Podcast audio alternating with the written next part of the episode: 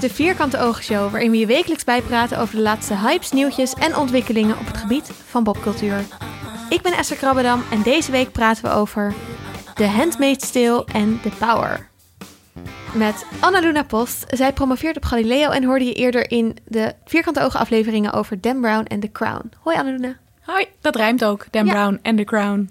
Daarnaast zit host van Fris en Vurig Liedje, Sikko de Knecht. En die deed ook eerder mee, bijvoorbeeld in de aflevering die we laatst hebben gemaakt over de passie. Oh ja, de Passion. Met Yes. Don Ceder was dat. Erg gezellig. En als laatste campaigner voor de goede zaak en eerder gehoord in Stranger Things en Friends afleveringen van de Vierkante Ogen Show, Eline Peters. Hallo. Hallo. Vandaag bespreken we twee boeken en een serie. En ze hebben allemaal gemeen dat het over macht en vrouwen gaat. The Handmaid's Tale, het boek en de serie. En The Power, een boek. En we gaan eerst even met elkaar praten over waarom we deze zo bijzonder vinden. En een aantal dingen daaruit halen die wij zelf overeen kon- vonden komen in de boeken. Eh, en waar we over door willen praten. En vervolgens gaan we natuurlijk even hebben over waarom dit bijzondere popcultuur is. En super vet. My name is Offred. I had another name, but it's forbidden now. So many things are forbidden now.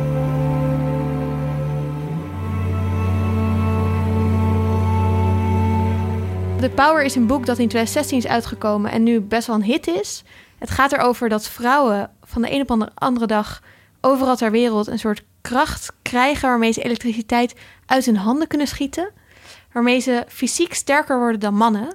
Wat op de lange termijn de hele machtsbalans in de maatschappij verandert. Zo'n Super Sith cool. Lord. Echt super cool. de Sith Lord, ja.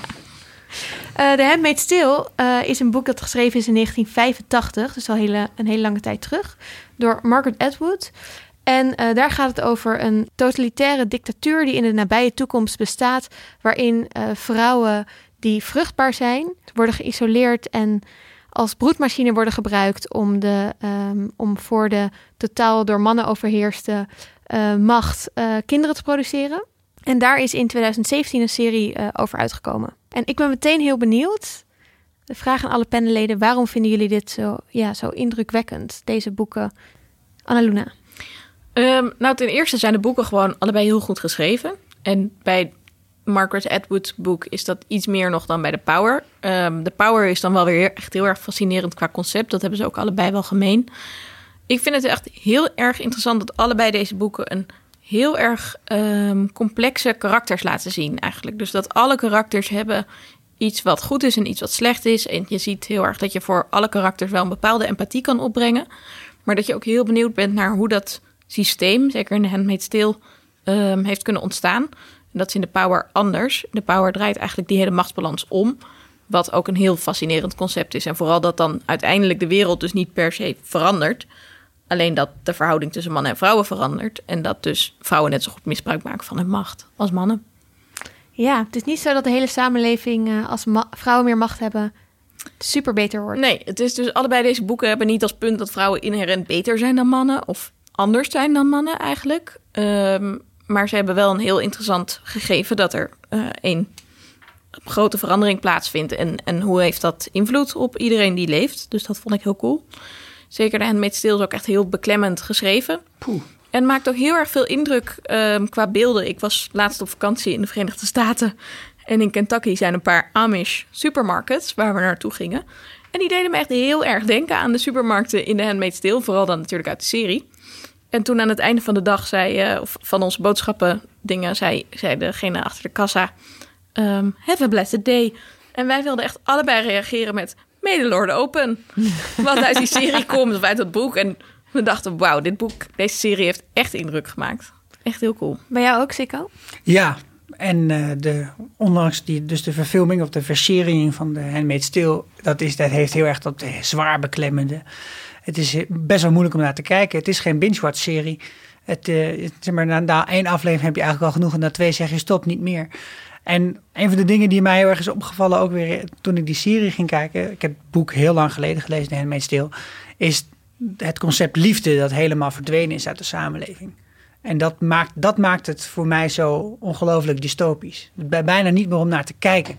Dus alle dingen die ook gebeuren die te maken hebben met relaties tussen mensen, die heel erg op vertrouwen gebaseerd zijn. Vertrouwen en liefde gaan in dit geval heel erg hand in hand. En in deze samenleving is dat gewoon weg. Heel naar. Ja, dat maakt het heel naar. Eline? Ja, ik, eh, ik hou sowieso heel erg van eh, eh, feminisme en eh, feministische romans. En dan hou ik ook nog eens heel erg van fantasy en dystopische romans. Dus de- waar die twee bij elkaar komen, dan, eh, ja, dan heb, je me wel, heb je me wel mee. Ehm, en ja, beide boeken hebben wat ik heel tof vind, en dat, dat is eigenlijk wat Anna Luna net ook al een beetje zei, ehm, laten heel erg zien dat eh, vrouwen eh, eh, eigenlijk ook heel veel verschillende soorten eh, karakters hebben. En dat een samenleving die ineens, waar de machtsbalans ineens helemaal omgekeerd is, echt niet ineens heel vrouwelijk als in de soort van stereotype formulering wordt. Ineens, eh, vrouwen zijn slecht en goed en lief en stom en eh, heel erg eh, naar en ook heel erg aardig. En dat vind ik heel erg tof, want zoveel romans zijn er niet waarin vrouwen juist ook zo'n divers zo- zo'n divers beeld wordt neergezet van vrouwen. En dat doet zowel Margaret Atwood als, als Naomi Alderman in, in beide boeken. En dat vind ik heel erg tof om eraan te lezen. En ehm, ja, zeker bij The Power, dat, dat fantasy gedeelte of dat ja, verzonnen gedeelte ook van wat die power nou eigenlijk inhoudt. Ah, dat vind ik gewoon heel erg gaaf. eh, zo'n, eh, zo'n fantasy inzetten om eh, ja, ook iets aan te kaarten van wat er eigenlijk in de samenleving allemaal gebeurt en hoe dat ook anders zou kunnen zijn gaan lopen. Ik vond ook aan beide boeken heel erg ehm, intrigerend om de hele tijd te bedenken: ja, dit kan gewoon echt gebeuren. Ik wil, Oh, ja. oké, energie uit je vingers schieten misschien niet, maar eh, ja, misschien ja, ook wel. Waarom ook niet? Misschien ook wel. Misschien evalueren we nog wel zo als mensen. Nou, er Ja. is in dat boek gaat het over dat er in de Tweede Wereldoorlog een of ander zenuwgas is geweest. Toch? Dat wijst ze uiteindelijk als een soort van oorzaak aan. Ja, dat Dus- dat in het water is gekomen, Ja. dat het jarenlang dat Precies. drinken bij vrouwen een ander effect heeft dan mannen. Ja, dus dat de hormonale effecten daarvan uiteindelijk dit teweeg brengen. Nou ja, en vanuit biologisch oogpunt, als we het even hebben over evolutie, dan zou het natuurlijk helemaal niet zo gek zijn dat als vrouwen constant onderdrukt worden, dat er op een gegeven moment de evolutie denkt: hé, hey, daar moeten we iets aan doen. Die moeten we sterker maken. Daar Ja, moeten we vrouwen iets zijn wel belangrijk voor het voorbestaan van het ras. Precies. Van de- Ik vond dat van ras. een van is de. Coolste dingetjes. Soort noemen we dat. Van soort. Ja. Sorry. In dat boek wordt op een gegeven moment ook gezegd van... het is heel logisch. Dan, je hebt een soort van nablik waarin dan zegt van... ja, het is ook heel logisch dat deze machtsbalans zo is. Want vrouwen zijn fysiek sterker. Want vrouwen moeten baby's hebben en die moeten ze dan beschermen. Dus daarom zijn vrouwen sterker dan mannen. Wat natuurlijk een omdraaiing is van hoe het nu is. Ja. Mannen moeten de vrouwen beschermen voor indringers. En Ja. dat vond ik heel cool dat het boek dus ook dat soort aannames totaal op zijn kop zet. Ja. En wat ik er ook heel erg bijzonder aan vond, is dat ehm, eh, je heel. Ik, ik hou ook heel erg van dystopische literatuur, omdat je heel veel vragen doet stellen over hoe de samenleving nu is. En ook wat voor rol je zou hebben, mocht wel die omslag komen op, het- van het een op het andere moment in Ja. een dictatuur, zoals eigenlijk in deze beide boeken gebeurt. Ehm, en je ziet bijvoorbeeld in The Handmaid's Tale, in de serie die ervan is gemaakt, een protest waarin vrouwen in actie komen tegen de... En mannen. En mannen trouwens, ja. In actie komen tegen de ja, veranderingen die er gebeuren in de samenleving. Eh, het, is een, het ziet er een beetje uit als zo'n women's march, zoals waar wij volgens mij allemaal wel eh, onderdeel van zijn geweest. Yep. En van het een op het andere moment begint opeens de politie, die da- daar een beetje eerst staat te kijken van wat gebeurt hier allemaal, begint op de protest, protestanten in te schieten. Maar echt gewoon vol met kanonnen op een gegeven moment. Nou, kanonnen, maar echt Dat zijn go- ja, goede zware machinegeweren ja. Ja, zeker. Ja. Eh, en het is gewoon zoals we nu zeg maar, ze vluchten ook een cafeetje in waar gewoon een hipster barman staat. En het is zo dat je denkt: wow, wat als ik in zo'n zo'n protest zou lopen en opeens er op me wordt geschoten? En hoe reageer je daarop? En zou je daarna nog naar een protest durven? Zou je daarna nog iets durven te zeggen tegen de veranderingen? Ehm, ja, best wel confronterende En- vragen. En heel realistisch natuurlijk, want in heel veel plekken in de wereld gebeurt dat natuurlijk ook op die manier. Ja. Eh, kan je niet protesteren zonder dat er op je in wordt geschoten. Ja, En nou, ook wat jij zegt met dat eh, die boeken je het gevoel geven, dit zou elk moment kunnen gebeuren. Eh, Margaret Atwood heeft ook gezegd dat alles wat in haar boek eh, voorkomt in The Handmaid's Tale... is gegrepen uit iets wat er ooit in de historie al met vrouwen is gebeurd. Dus niks daarin heeft ze verzonnen. Van de manier waarop die vrouwen eruit zien... van de manier waarop die vrouwen worden behandeld... de relatie tussen mannen en vrouwen. Alles heeft ze uit historische feiten gehaald. En dat hele boek is dus eigenlijk... Het is wel fictie, want het is natuurlijk alles bij elkaar gezet... en het is een fictieverhaal. Maar het is eigenlijk ook geen fictie... omdat het gewoon eh, op allerlei waar gebeurde eh, gebeurtenissen is gebaseerd. En dat maakt het ook wel heel beklemmend. Ja, En zeker het voorbeeld van de scène die jij net noemt, dat ze over die brug komen lopen, dat doet heel erg denken aan de film Selma, waarin ook de Civil Rights March van Martin Luther King op een gegeven moment over zo'n brug komt in Birmingham, Alabama. En daar staat dus aan de andere kant een cordon politieagenten klaar. Nou, in eh, de historische gebeurtenis werd er toen eh, hardhandig geslagen en dat soort dingen. En hier, komt, hier gaat het, escaleert het echt helemaal de pan uit. En dan, het wordt heel erg aangrijpend. Je schrikt je helemaal de tyfus. En je kunt je inderdaad, als je wel eens hebt meegelopen in een willekeurig protest, dat moment heel erg goed voorstellen. Dat de politie ineens toch komt met paarden. Of dat, het- dat het escaleert Ja. naar een niveautje hoger. En dan denk je inderdaad, ja, oké, eh, is het nu tijd om mijn eigen hachje te redden? Of moet ik toch nog blijven staan voor de Voor de zaak goede waar ik in zaak. geloof? ja. Ja. Wij noemden net allemaal dat het dystopisch is. Eh, over The Handmaid's Tale zei Margaret Atwood zelf dat het speculative fiction is. Eh, waarmee ze bedoelt, het gaat over een mogelijke toekomst. Zij denkt echt dat dit een van de scenario's is waar, waar wij naartoe zouden kunnen gaan. Eh, en ze ziet het dus niet zozeer als feministische literatuur, maar als, ehm, wel als ja, dystopisch, maar vooral speculatieve fictie. Ja, ik vond dat ook bij, ehm, bij The Power heel interessant. Want de auteur daarvan, Naomi Elderman... die heeft inderdaad ook in een paar reviews... eh, zeiden mensen van dit is een dystopische roman. En zij heeft in het, eh, in het exemplaar dat ik heb... zit zo'n nawoord van haar... wat ze ook ooit als essay in The Guardian of in The New Yorker heeft gepubliceerd. En daarin zegt ze ook... nou, ik heb al deze voorbeelden, ik heb het omgedraaid. Dus dit zijn de vrouwen die kwaad doen tegen de mannen. Want je ziet natuurlijk in dat boek dat vrouwen krijgen macht, maar dat escaleert ook totaal. Dus omdat de machtsbalans zo onevenwichtig is, eh, ontstaan er gewoon problemen. En ze zegt, ik heb dat allemaal uit het leven gegrepen. Alleen dan geweld dat van mannen op vrouwen wordt toegepast. Dus als dit een dystopische roman is, in wat voor wereld leven we dan nu? En dat vond ik een heel goed punt. Dat eh, de vraag, is het dystopisch, altijd afhangt van degene die nu aan de macht zijn. En die reviews, die waren allemaal geschreven door mannen. Dat vond ik heel interessant. Heel interessant. Zeker. Ja, en, ja, qua hoe reëel dit is. Hè? De, de werkelijkheid zoals we, waarin we nu leven is een combinatie van beide. Eh zoals ik gisteravond toch even check, want ik had een keer iets gehoord. En daar blijkt toch echt waar te zijn dat de vruchtbaarheidspercentages van mannen in de westerse wereld, dat daalt al iets van 40, 50 jaar. Zo. Wat betekent dat het- de sperm count, dus het aantal spermatozoïden per milliliter, dat daalt al echt decennia en niemand weet waarom. Super Nu, fascinerend. En Dit is niet ja. een boek wat ik nu nee, noem. precies, want is het uitgangspunt wereld. van het meest stil is dat omdat eh, eh, iedereen steeds minder vruchtbaar is, vrouwen die wel al eerder een kind hebben gekregen, eh, als een soort van ja, slaven worden ingezet Als een van de hofdame, een handmaid ja, is een hofdame. Ja. Ja. om eh, nog kinderen te baren. En de, de hele ja, de aanleiding is dat er nauwelijks kinderen nog worden En het is geboren. super intrigerend dat uiteindelijk blijkt in dat boek en ook in de serie dat eigenlijk heel veel van de mannen die macht hebben, degene zijn die niet meer vruchtbaar zijn. Ja, maar, Maar dat dat durft dat- niemand te zeggen. Precies, dat kan je niet zeggen. Als je dat zegt, dan wordt je hand eraf gehakt of zo. Ja. Dus het zijn eigenlijk vrouwen die vaak nog wel vruchtbaar zijn. En in de power draaien ze dat dan dus ook weer om. En is het van ja, op een gegeven moment worden er heel veel mannen ehm, worden maar gewoon vermoord of ergens anders weggestopt om arbeid te verrichten. Want zeggen ze, je hebt eigenlijk maar één man nodig om 100 vrouwen te bevruchten. Ja, Wat in dit de verhaal vraag van jou niet helemaal klopt natuurlijk, Sico. Als dat echt zo is, dat, dan, nou ja, dat hebben ze in de Power dus niet meegenomen. Maar het is heel intrigerend. Maar dit dat, is echt zo. Ja, dus dat, dat eigenlijk die machtsbalans daar ook weer zo omdraait. Van vrouwen heb je echt nodig, want die moeten heel lang eh, een, een kind dragen. Terwijl mannen heb je gewoon maar 10 minuten nodig. Ja, nou op dat vlak is er ook weer een andere ontwikkeling gaande. Die is, eh, dat was denk ik een half jaar geleden dat ik een keer mijn telefoon opensloeg op de NRC. Dat ik echt mijn ogen uit mijn kassen vielen.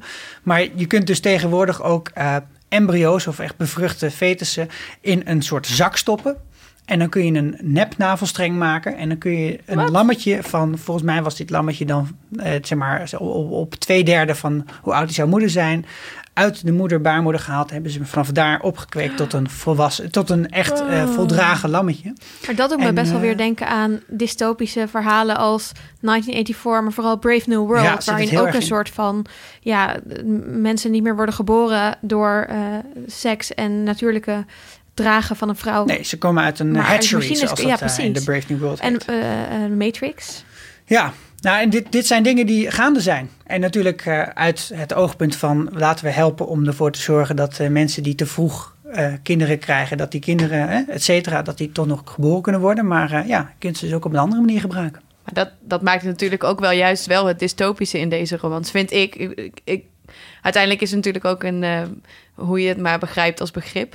Maar juist het feit dat het zo realistisch is, maar dat er net een paar dingen zijn toegevoegd waarvan je nu nog denkt dat het niet zou kunnen, of in ieder geval dat we het nog niet hebben. eh, dat, dat is hoe, hoe het voor mij als een dystopische roman leest. En dat vind ik er juist ook heel erg gaaf aan. En daar, daarin is natuurlijk, hè, daarin hebben we nu Margaret Atwood en daar hebben we nu Naomi Alderman. Maar dystopische romans worden natuurlijk echt al heel erg lang geschreven, al decennia lang. Eh, eh, Ursula Le Guin is een van de. ehm, is een van de meest bekende dystopische eh eh, romanschrijvers die zich heel erg ook met feminisme bezighoudt. Ze is net overleden in, in januari. Ehm, en nou, daar komen we misschien later ook wel op terug. Maar het is natuurlijk heel interessant om te weten waarom juist ook op dit moment dit soort schrijfstijl eh, van dystopie en feminisme en eh, machtsrelaties bevragen, waarom die nu ook zo populair worden. Ja, maar ik, mm, heel veelzeggend is, en dat is ook al in heel veel media dingen besproken, dat dat ehm, de eerste, het eerste seizoen van Handmaid's Tale is opgenomen op het moment dat eh, de verkiezing tussen Trump en Clinton speelde. En dat ehm, ze geloof ik klaar waren met het opnemen op de dag van de uitslag. En dat ze dus echt een soort van enorme kater hadden van shit, dit zou dus in de toekomst nog best wel een, een soort van realistisch, ja, realistisch scenario kunnen zijn.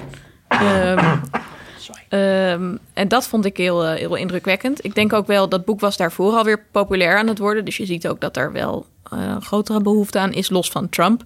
Ja, de, eh, het boek stond na de verkiezing van Trump opeens weer bovenaan de eh, bestellijsten van Amazon.com. Ja, Wat, hè, het is in 85 geschreven, dus best Ja. bijzonder dat dat opeens weer zo... eh zo Interessante herleefd. naam ook voor een internetbestelservice. Amazon, Ja. ja, zeker. In Ja. deze context. Overigens. Ja. Ja, Ik denk ook wat ik een van de beklemmende dingen vond aan het, eh, aan het boek en ook aan de serie, is dat er ook gezegd wordt van ehm, alle vrouwen kunnen heel makkelijk hun werk en hun geld verliezen, omdat we heel veel van onze inkomsten digitaal hebben. Dus als je alleen nog maar bepaald, betaalt met een pinpas, dan heb je nooit meer contant geld bij je. En dan kan dus de overheid of banken kunnen in één klik alle bankrekeningen van vrouwen ehm, illegaal maken ja overzetten naar hun man ook. overzetten naar hun man. Dat Ja. gebeurt dus in de Handmaid's Tale. En dat vond ik een heel ehm, Ja. creepy gegeven. Dus Ja. ik kan ook echt nergens meer bij winkels waar dan staat... we hebben geen contant geld... heb ik altijd zo'n soort van... oh nee, gevoel. En dat is dus een voorbeeld van hoeveel impact deze boeken kunnen hebben... en waarom ze nu ook weer zo actueel zijn, denk ik. Ja, zeker. The Power is een boek wat nu net uitgekomen is en gaat ook over verandering vanaf ongeveer een wereld zoals die nu is. Ehm de Handmaid's Tale is geschreven in 85, maar leest ook alsof het wel... Ja, er zijn nog geen mobieltjes, er is geen internet.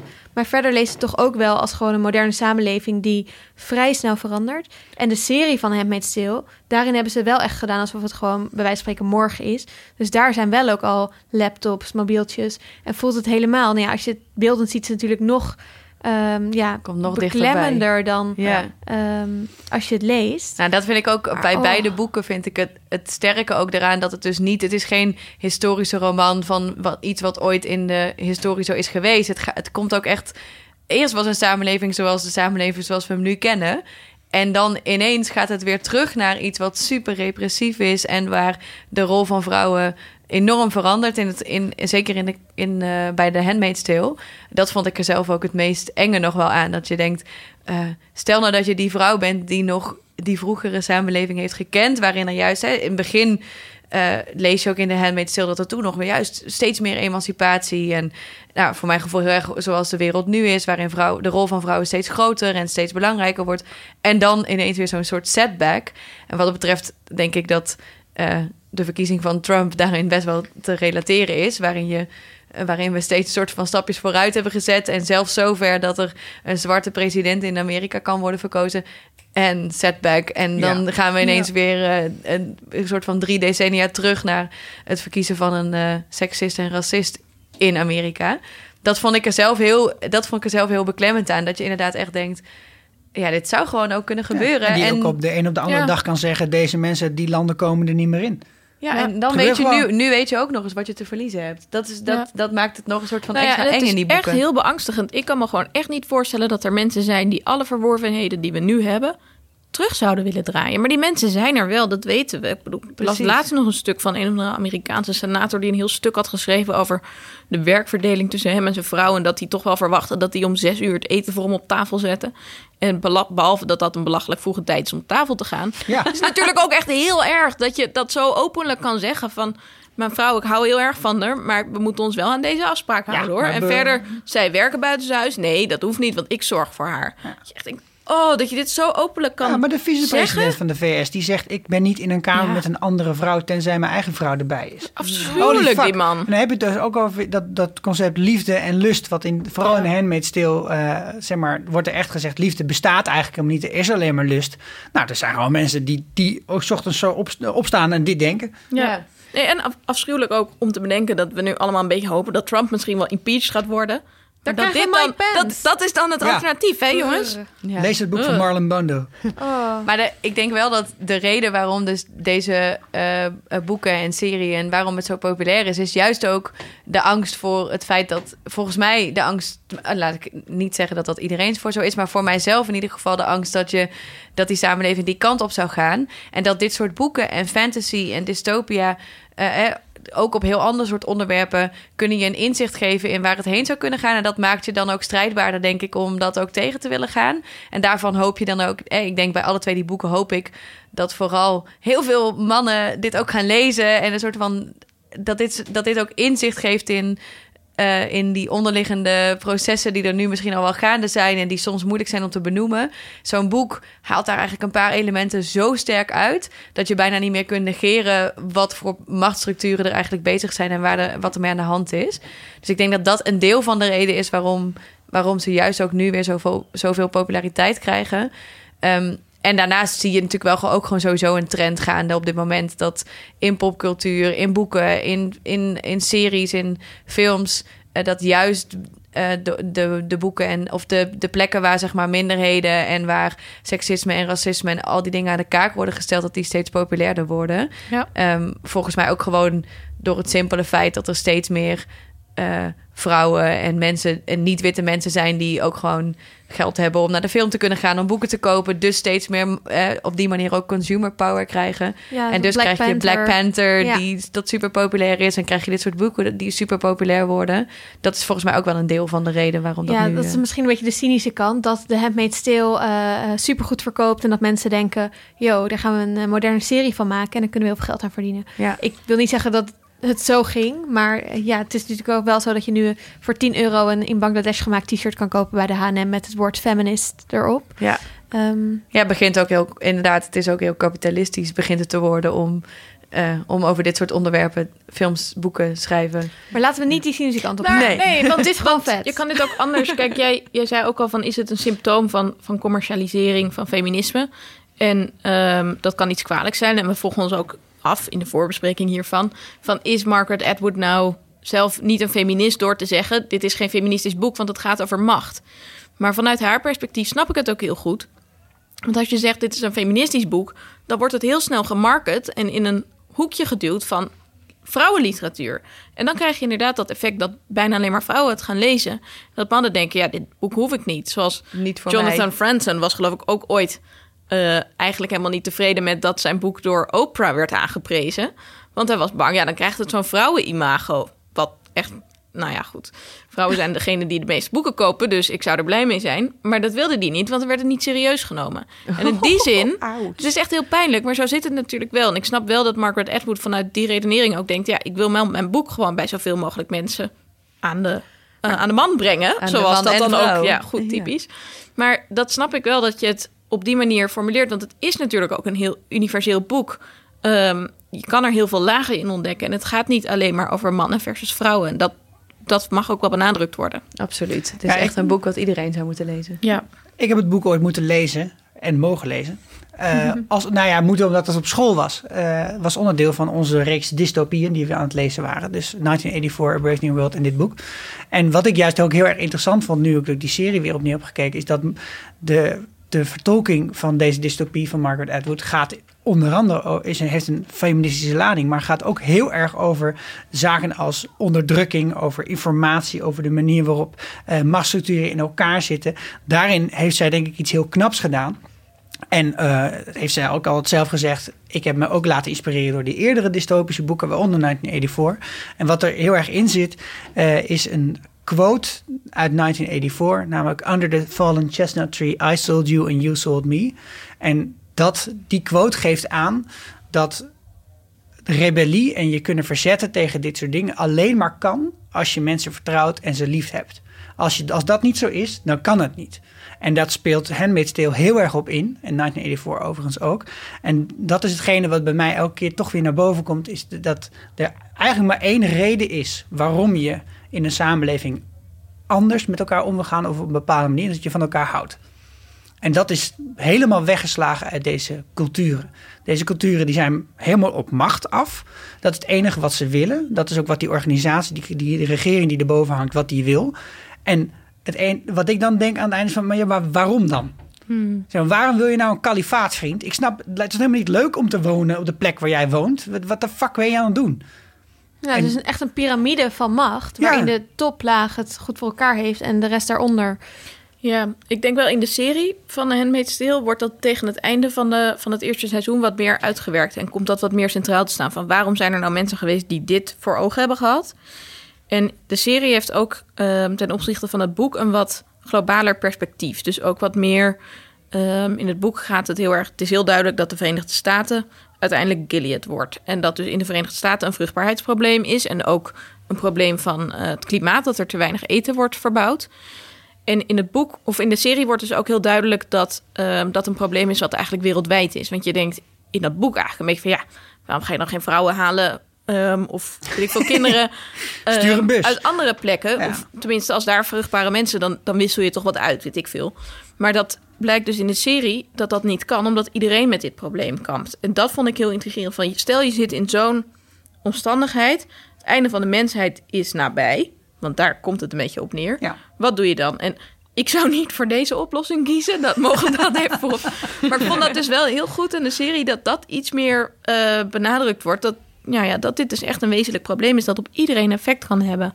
Dat vond ik heel goed daarin. Ja. En ten opzichte van het boek ook.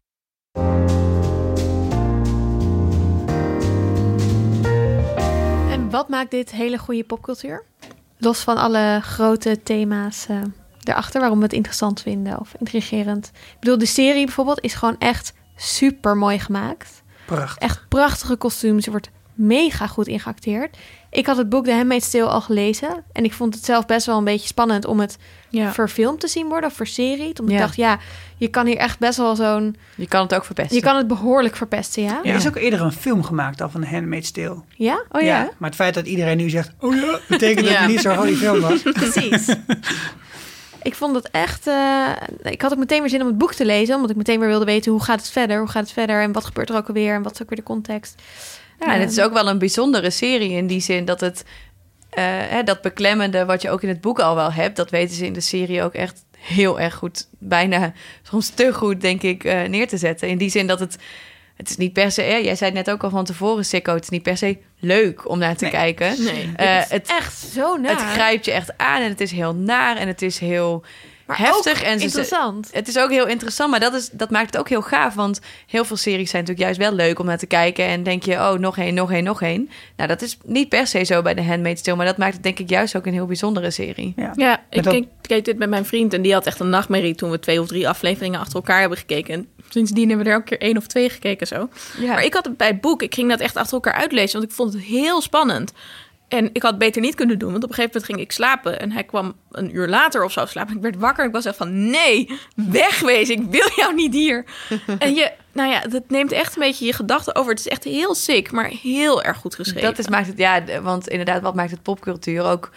Ik weet niet, eh, maar in ieder geval zijn beide, boek, beide boeken ook gewoon heel goed geschreven. Ja. Eh, dat, is, en dat is gewoon ook heel... Het is een heel prachtig verhaal en het is dystopisch en het is een mooi genre. Maar het zijn ook gewoon alle twee steengoede schrijvers. Ja, en, en als de, dat moment waar we het net even over hadden, dat die bankrekeningen van vrouwen worden overgezet op hun man, dan in de serie, ik weet ook niet of dat in het boek zat, maar dan zegt ook, zegt Luke, die zegt tegen haar van ja, maar ik ga wel goed voor je zorgen. Ja. En dat, dat levert. Maar, misschien was het in mijn hoofd, maar toen ik dit gisteravond zat te kijken eh, met mijn vrouw, wat je ook, waar ook heel heftig op gereageerd wordt als hij dat zegt. Of wat moeilijk om te zeggen, want volgens mij ben ik ook haar man, maar dat even terzijde. Dan ontstaat er een soort aparte stilte even. Ja. en het kan zijn dat het alleen maar in mijn hoofd zit, maar het is zo van, oh ja, je moet eventjes nadenken. Nee, dat is juist super goed gedaan in de serie. En Ja. dat, zoiets zit wel ook in het boek. Dat eh, inderdaad, opeens wordt zij super afhankelijk van haar man. En die man zegt, ja, maar maak je geen zorgen. Want ik zorg gewoon dat het goed komt. En ik ga goed voor je zorgen. En ik zorg ervoor dat jou niks gebeurt. En zij wordt er heel pissig over. Van ja, maar daar, je begrijpt helemaal niet waar het om gaat. Ik ben niet bang. Ik wil gewoon zelf kunnen bepalen. En nog erger, want zij denkt dan eigenlijk de eerste nacht dat ze gaan slapen van... eigenlijk zou ik hem nu moeten vragen van of hij dit eigenlijk heel prettig vindt. En Oh is hij eigenlijk ja. blij met deze nieuwe machtsverhouding? Maar ze vraagt het niet, want ze wil geen ruzie ontlokken op dat moment of ze is te moe. En dan op het moment dat het dus echt een belangrijke vraag wordt... kan ze hem niet meer stellen, want dan is ze zo afhankelijk van hem... dat ze dus niet meer de macht heeft om Om die, relatie ter discussie te... Ja.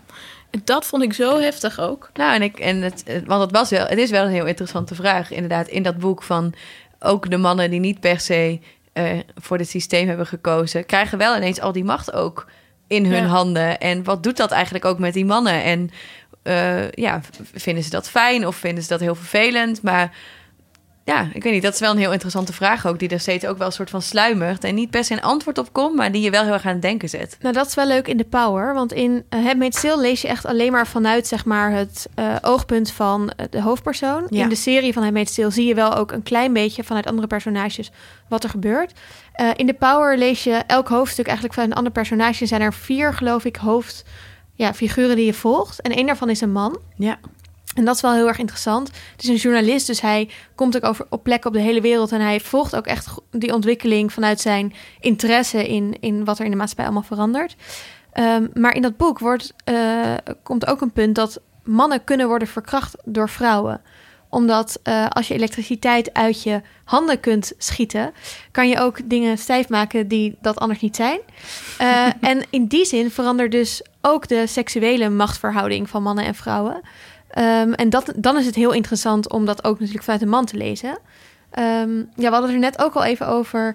Ja, ik vond Dat- het heel intrigerend dat je dan eigenlijk ziet. Ik had bij dat lezen, dat, ik vond het heel naar natuurlijk. Maar ik vond het echt een stuk minder naar dan een vrouw verkracht zien worden of lezen worden in een boek of een serie.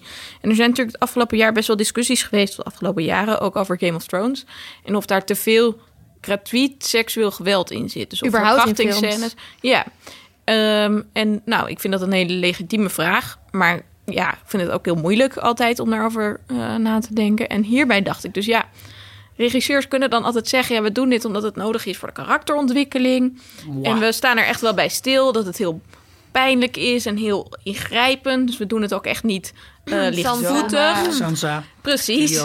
Maar eh, toen ik toch? dit las, dacht ik dus ja, als, ik, als dit inderdaad zoveel makkelijker is om dit te schrijven over iemand van het andere geslacht, ja, dan snap ik wel dat, hoewel je best wel kan zeggen, en ik denk er echt over na, dat het gewoon niet zo hard binnenkomt. En in die zin vind ik dus, nou ja, dat is weer een heel sterk punt om te zeggen dat er veel meer vrouwelijke regisseurs zouden moeten komen. Ja, dat het is voor ons.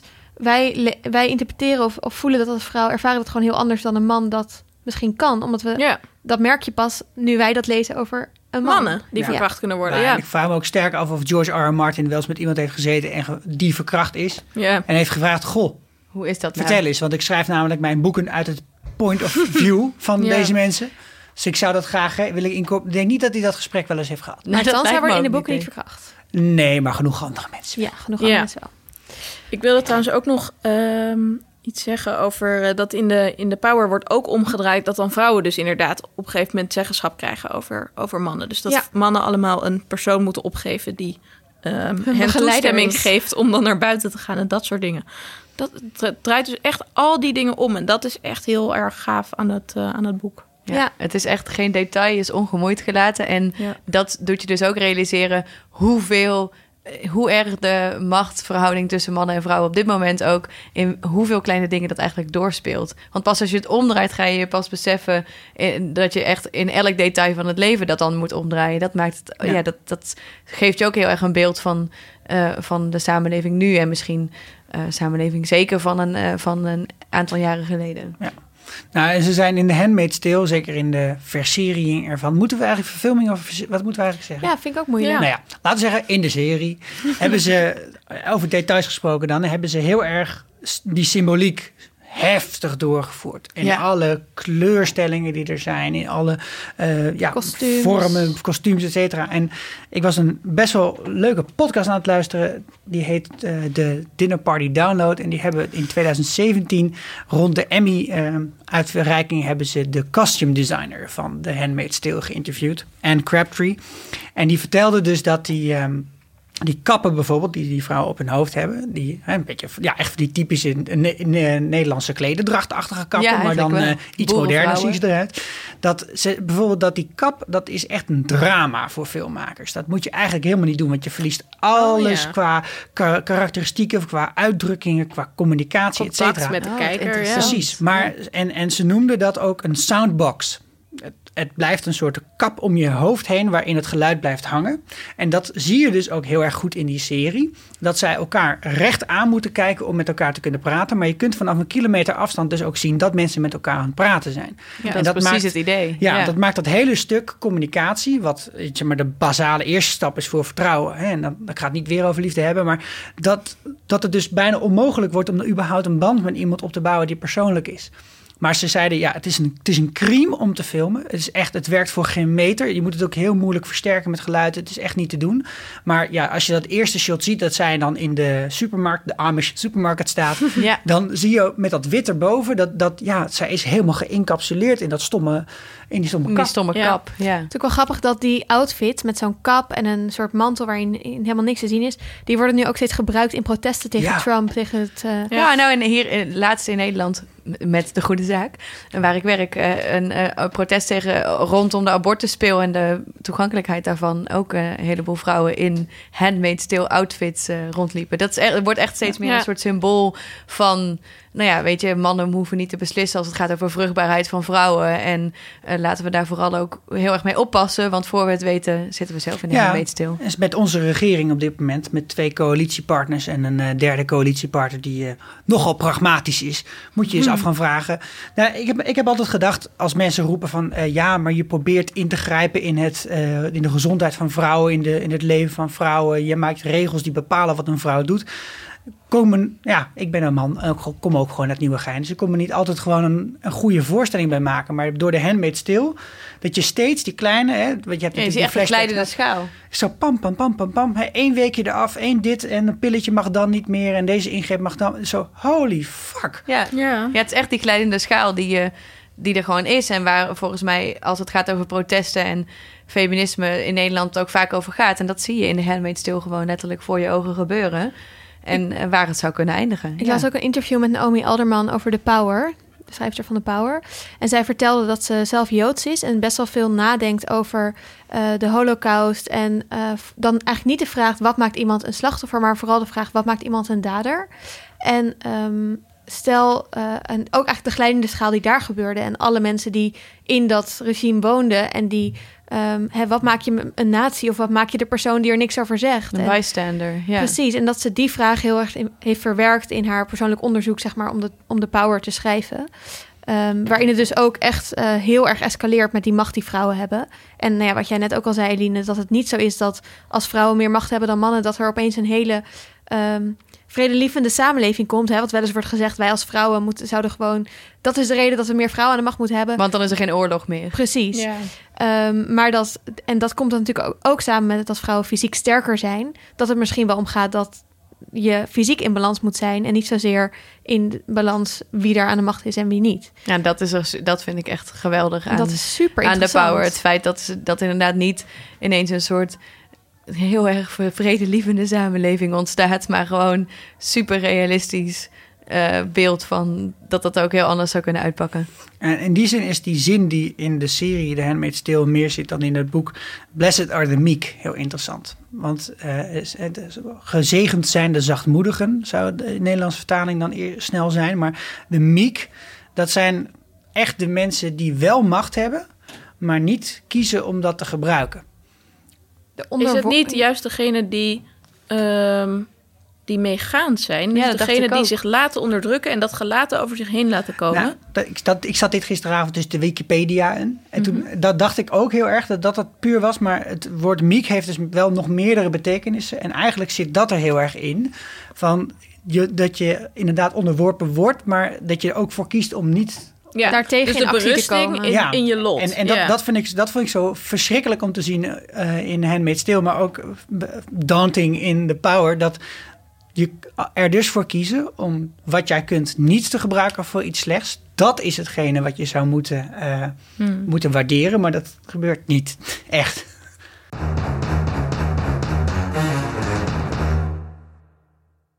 Ik vind ook ehm, eh, heel interessant aan de vorm van beide boeken. Om ook weer even op de popcultuur, voordat we toch weer helemaal in de idealistische discussie komen. Ehm, dat ehm, bij The Handmaid's Tale eh, eindigt het boek eigenlijk op een vrij abrupt moment. Eh, en komt er een heel stuk daarna over een wetenschapper die de verslagen van deze vrouw eh, eh, op een academische proces bespreekt. Alsof het een soort historisch bewijsstuk is over iets wat in het verleden is gebeurd. Ja, het is echt een soort congres waar ze het gaan bespreken. Het is Ja. ook heel En- pijnlijk. Compleet met een soort van misplaatst grapje over haar lijden en zo. Ja, Oh. heel raar. Iets wat overigens gewoon nu natuurlijk Ja, ja, ook gebeurt. Dat we bij hè, over het Slavernijverleden, slavernijverleden ja. bijvoorbeeld. Ehm, en in The Power eh, begint het boek met een, eh, een tekst van een eh, mannelijke schrijver aan een vrouwelijke uitgever. Waarin hij zegt: Ik heb een boek, ik, ik stuur je het manuscript van een boek wat ik heb geschreven op basis van historische bronnen die ik heb gevonden. En ik ben heel benieuwd wat je ervan vindt. En aan het eind van het boek lees je haar reactie. En gaat het eigenlijk ook over heel erg in de toekomst, terugkijkend op de gebeurtenissen die het begin van deze ontwikkeling hebben. Ehm, ja, de mensen die begin van deze ontwikkeling hebben meegemaakt. En dat, zijn, dat is best wel een bijzondere vertelvorm natuurlijk, waarin je nog, eh, eh, waarin je ook maakt dat het indringend wordt, omdat het als een soort van, alsof gedaan wordt alsof het op basis van echte historische bronnen is. Ja, ik vind En dat... je nog meer ook je inleeft in eh, hoe wij nu praten over misschien het slavernijverleden of andere, over de, de Tweede Wereldoorlog, is ook gewoon iets wat echt is gebeurd. En waar we nu vrij luchtig over kunnen praten, omdat het een hele tijd geleden is. Ehm, ik vind het wel een interessante vertelvorm. En ook wel interessant dat beide boeken dit eigenlijk hebben. Ja, en dat, ook, dat ja. beginstukje waar je het over hebt. Volgens mij schrijft hij het aan Naomi Mhm. zelf. En is zij de op dat moment ook de schrijfster van The Power. Maar dan, ik vind het heel tof dat ze dan meteen... Dit is op de eerste pagina meteen inderdaad zegt van... Oh, wat een interessant boek. Of manuscript. En wat een grappig gegeven dat mannen allemaal eh, machten hebben. Oh, dat en eh, in de police gedaan, force ja. zitten. En, eh, en politici zijn. Ja, echt interessant om dat zo eens te lezen. En toen dacht ik al meteen... Oh, dit boek, dit, moet, dit moeten Ja. we met z'n allen. het is ook nu heel al leuk. erg hoe, eh, hoe denigerend mannen soms kunnen doen naar vrouwen toe. Van, oh wat leuk dat jij een boekje hebt geschreven. En Ja. dat, dat zit meteen helemaal Dat zit daar omgekeerd meteen in. dat, ja. En dat is ook best wel gek, omdat je dat boek nog helemaal niet begonnen bent. Dus je, je, ik las het echt, een, ik vond het echt een beetje gek om te lezen. Ja, ja. Ik dacht, huh, Wat is wat dit? ga ik nu lezen? Ik dacht dat ik een boek zou lezen wat ging... Nou ja, Ja, het is ook zo heel gaaf. intrigerend, dat het gaat ook door. Ehm, en dan komt er in de epiloog, dan, dan sluit het daar natuurlijk mee af. Met die mailwisseling. En dan zegt zij ook, reageert hij dus van... Ja, eh, dit was allemaal niet bedoeld, dat is een interessant gegeven. Ik bedoel dit echt heel serieus. En dan is ze, oh, oh sorry, ja, ik wil ook niet je gevoelens eh, eh, kwetsen. En dat is ook zo'n typische reactie die je zo vaak gehad zal hebben als Ik vrouw. Ik vraag denk me af- dat allemaal herkennen. Ik vraag me af of, of eh, Naomi dit letterlijk uit een eigen mailconversatie heeft gehaald. Misschien wel. Heeft ze wel de inspiratie voor eh, dit... Dat ze misschien haar eigen script wel heeft opgestuurd. Ja, dat zo'n- is de eerste Oh, reactie van de oh, wat interessant. En wat leuk dat je het zo hebt geschreven. En ik, oh, ik bedoelde het niet vervelend. Het is echt, ik wilde je niet je gevoelens... Ik, misschien heeft ze dat gewoon wel zelf Ja. over de power teruggekregen. kunnen. Maar dat is toch ook met die ehm eh, nieuwslezers Ja. die erin zitten? Dat is fantastisch. Je krijgt vanaf het begin worden sommige gebeurtenissen door nieuwslezers op de achtergrond verteld op televisie. En dan heb je dus een jonge, knappe vrouw en een man, een oudere man, grijs haar in pak. En de grijze man vertelt steeds politieke dingen en dan zegt die vrouw zoiets van: "Oh goh, wat erg zeg. We gaan nu door naar een segment over tuinieren." Ja, En dan draait dat gedurende eh, het boek draait dat een beetje om. En dan wordt die man ook steeds achterdochtiger over die vrouw. Van heb jij ook die macht? En dan op een gegeven moment draait hij een beetje door. En dan wordt hij dus vervangen, een paar hoofdstukken later hoor je dat dan, door een hele knappe jonge man. Die dus vervolgens, als dan de vrouwelijke nieuwslezeres allemaal gaat vertellen van... nou, dit is er allemaal gebeurd, het is allemaal heel heftig. Zegt hij, oh goh, wat complex, ik snap dit allemaal niet. We gaan nu door met een segment over buikspieroefeningen. Hoe blijf je als man goed in shape? Want dat is toch onze rol in het huishouden. Het is heel goed, al die kleine subtiele dingen zijn zo goed gedaan. Ja, en dat doen, ze doen je zo stilstaan bij hoe die machtsstructuren nu liggen. Ja. En eh, nou ja, het is wel echt een hele creatieve, ja, interessante manier om daar met je neus op de feiten te worden gedrukt. Zijn dat nou boeken die je zou moeten lezen voor het plot? Nou, ik vond de, de Power vond ik wel. ehm de Handmaid's Tale vond ik beter geschreven dan de Power. De De Handmaid's- is ook heel goed opgebouwd. Ja. Waarin je eigenlijk in het boek nog heel tot heel ver in het boek heel weinig weet over wat er nou eigenlijk is gebeurd. In de serie is dat meteen veel duidelijker. Ehm, in The Power vond ik wel op een gegeven moment vergroot het echt heel erg uit om het punt te maken. En vond ik in die zin een wat minder ehm, ja, plot-driven boek of zo. En het dan- is ook wat kunstmatiger hoe verschillende plotlijnen bij elkaar komen en zo. Ja, precies. Maar die omdraaiing is wel echt fantastisch. En dat, nou ja, dat zie je op een gegeven moment ook met dat dan eh, over die mannelijke journalist. Zijn boek wordt dan gestolen door een vrouwelijke journalist. En dan kan hij daar natuurlijk niks tegen doen. En dan in dat nawoord zit dus ook van... Oh, wat een goed detail. Er zullen vast mannen zijn wiens werk gejat is door vrouwen. By the way, heb je er wel eens over gedacht om jouw boek onder een vrouwelijke naam uit te brengen? Want dan heeft het toch waarschijnlijk veel meer succes.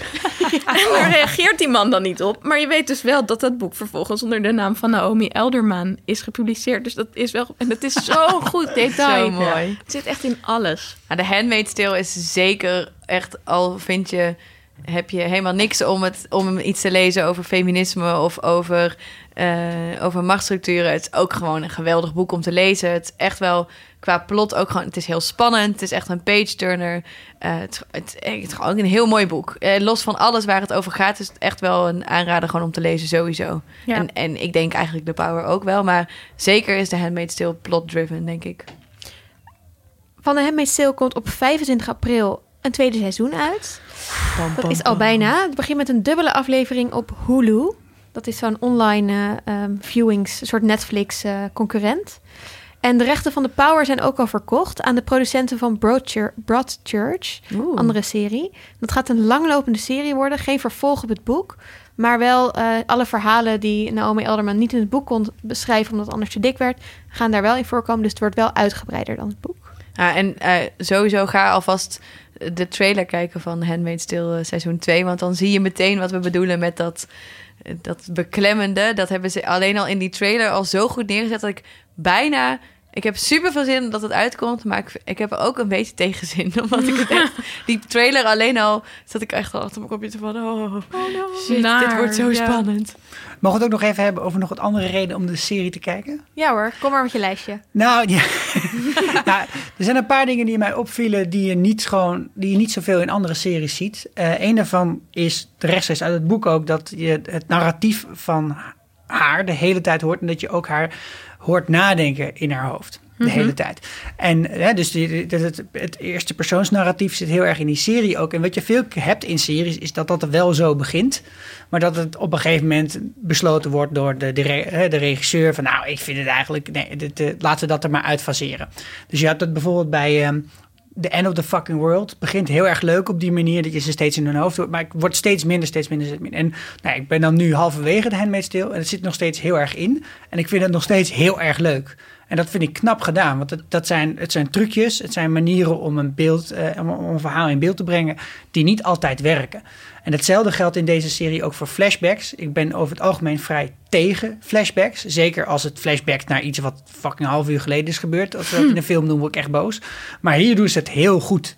Heel knap. Wel een beetje overdreven met die filters, eh, geel en blauw eroverheen. Maar dit is knap gedaan en goed gedaan. En soms doen ze het ook op zo'n manier met die flashbacks... dat ik niet meer weet of ik nou zit te kijken naar iets wat heel kort geleden is... of het nou echt heel lang geleden is. Dus er zit een soort van merge tussen. En juist die, eh, de, de- die, die overlap maakt het zo fucking eng. Ja. Want je weet niet meer van, oh, dat is gewoon lang geleden. Dit is gewoon heel kort geleden. Of dit is Ja. nu. Maar juist omdat het begint te schakeren als een schaakbord... wat door midden wordt, wat door elkaar wordt gehusteld... schrik je, schrik je op een gegeven moment dood van... oh, wanneer was dit nou? Ja, inderdaad. Nee, was dat de lijst? Eh, ja, nou, een van de dingen wat ik nog heel bijzonder vond eh, aan de manier waarop er gefilmd wordt, is dat er heel veel van boven wordt gefilmd. En dat zat ik ook een beetje te researchen waarom ze dat nou hebben gedaan. Dus je hebt bijvoorbeeld in de eerste aflevering heb je een, een ceremonie met een soort eh, een moment dat iemand veroordeeld wordt.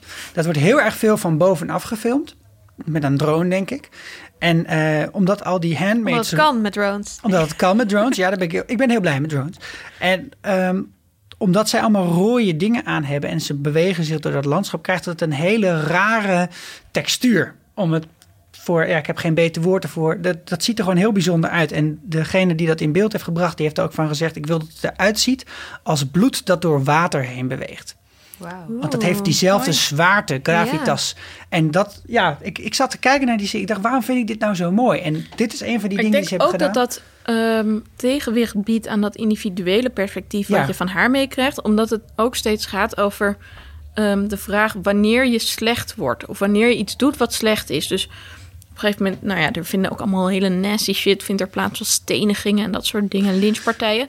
En daar wordt dus ook eigenlijk nooit de nadruk gelegd op één persoon die begint en de rest aanmoedigt. Maar er wordt juist ehm, de nadruk gelegd op het rituali ritueel Ja, ja.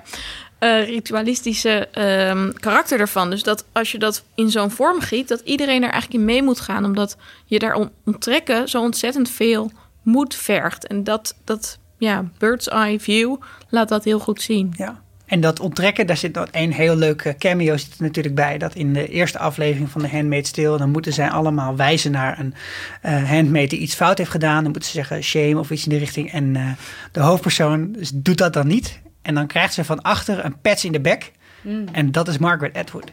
Echt? Ja. Echt? Wauw, wat cool. Zij is een van de aants. Die geeft Wat haar gewoon een fucking slap. Nice. Oh, wat gaaf, hè? Wat tof. Goed nog naar feitje. kijken. Super goed feitje. Ik vond ook het acteerwerk echt super goed. Heel, Heel, goed. erg goed. Ja. Ja. Hey, Margaret Atwood, dus de schrijfster van Het Stil, was ook de ehm, mentor van Naomi Alderman, die The Power heeft geschreven. Dus het is niet zo gek. in welke zin? Zeg maar op school of zo? Of unie? Nee, Gewoon zij de- de- had de- moeite met het boek af te maken, Oh, zo, Naomi ja, ja. Alderman. En toen heeft ze het, eh, Margaret Atwood zei, je moet gewoon doorgaan. En eh, uiteindelijk komt het wel af.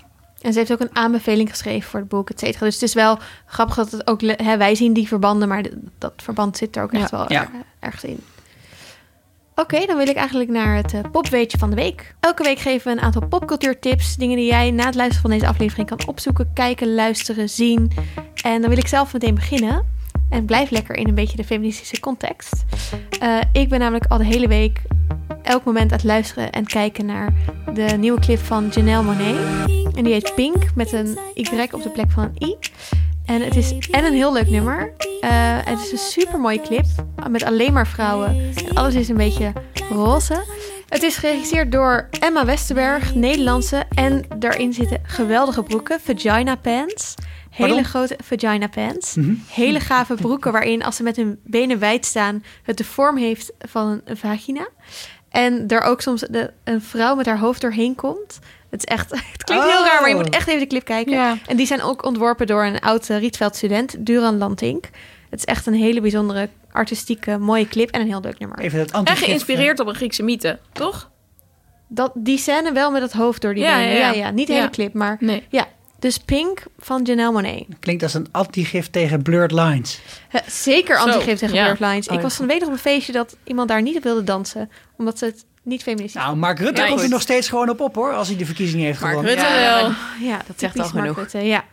Goed. Eline, wat is jouw tip? Ik heb eh, twee eh, tips vandaag. Ehm, de eerste is eh, Wild Wild Country. Een eh, Netflix-documentaire over de, eh de Bhagwan-commune. Ehm, en eh, dat was een, eh, een, ja, een secte, echt een heel controversiële secte... die eh, in Oregon in de VS ehm, een nieuwe utopische stad probeerde te bouwen... met een Indiaanse guru als, als leider... Ehm, waarvan alles en nog wat eh, heel erg mis is gegaan. En het is een eh, zesdelige serie op Netflix. Echt enorm goed gemaakt.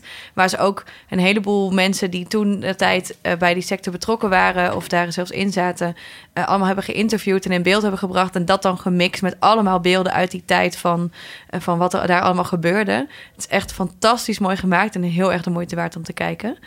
Dus dat is de ene. De andere is een podcast tip. Dat is Limetown. Een, eh, een podcast is eh, echt wel helemaal eh, fictie-podcast gemaakt. Ehm, een soort van eh, de X-Files meets serial-achtige achtige bedoeling. Ehm, ja, over een, een stadje waar een, eh, waar een soort eh, wetenschappelijk experiment op mensen wordt gedaan. Ehm, wat ook helemaal misgaat. En je hoort dan eigenlijk een journaliste die eh, dat dan nu tien jaar daarna, of ik weet niet precies hoe lang daarna, probeert uit te vogelen wat er allemaal gebeurd is. Ehm, het een podcast helemaal, echt helemaal nieuw gemaakt door een, door een, door een, nieuwe, een nieuw duo, geloof ik.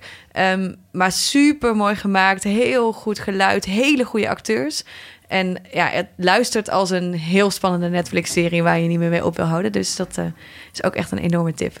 Cool. Sicko. Ja, dan doe ik snel even een podcast en dan doe ik ook nog een tweede. Maar eh, de podcast die ik heb geluisterd voor deze aflevering heet Red All Over. En die is van Kelly Anneke en Molly Sanchez. En vond ik bijzonder grappig om te luisteren. Ik heb echt dubbel gelegen in de auto samen met mijn vrouw... met de dingen die zij te, hadden, te melden hadden over het boek en ook over de serie. Handmaid's Tale. Tale. Ja, echt super grappig.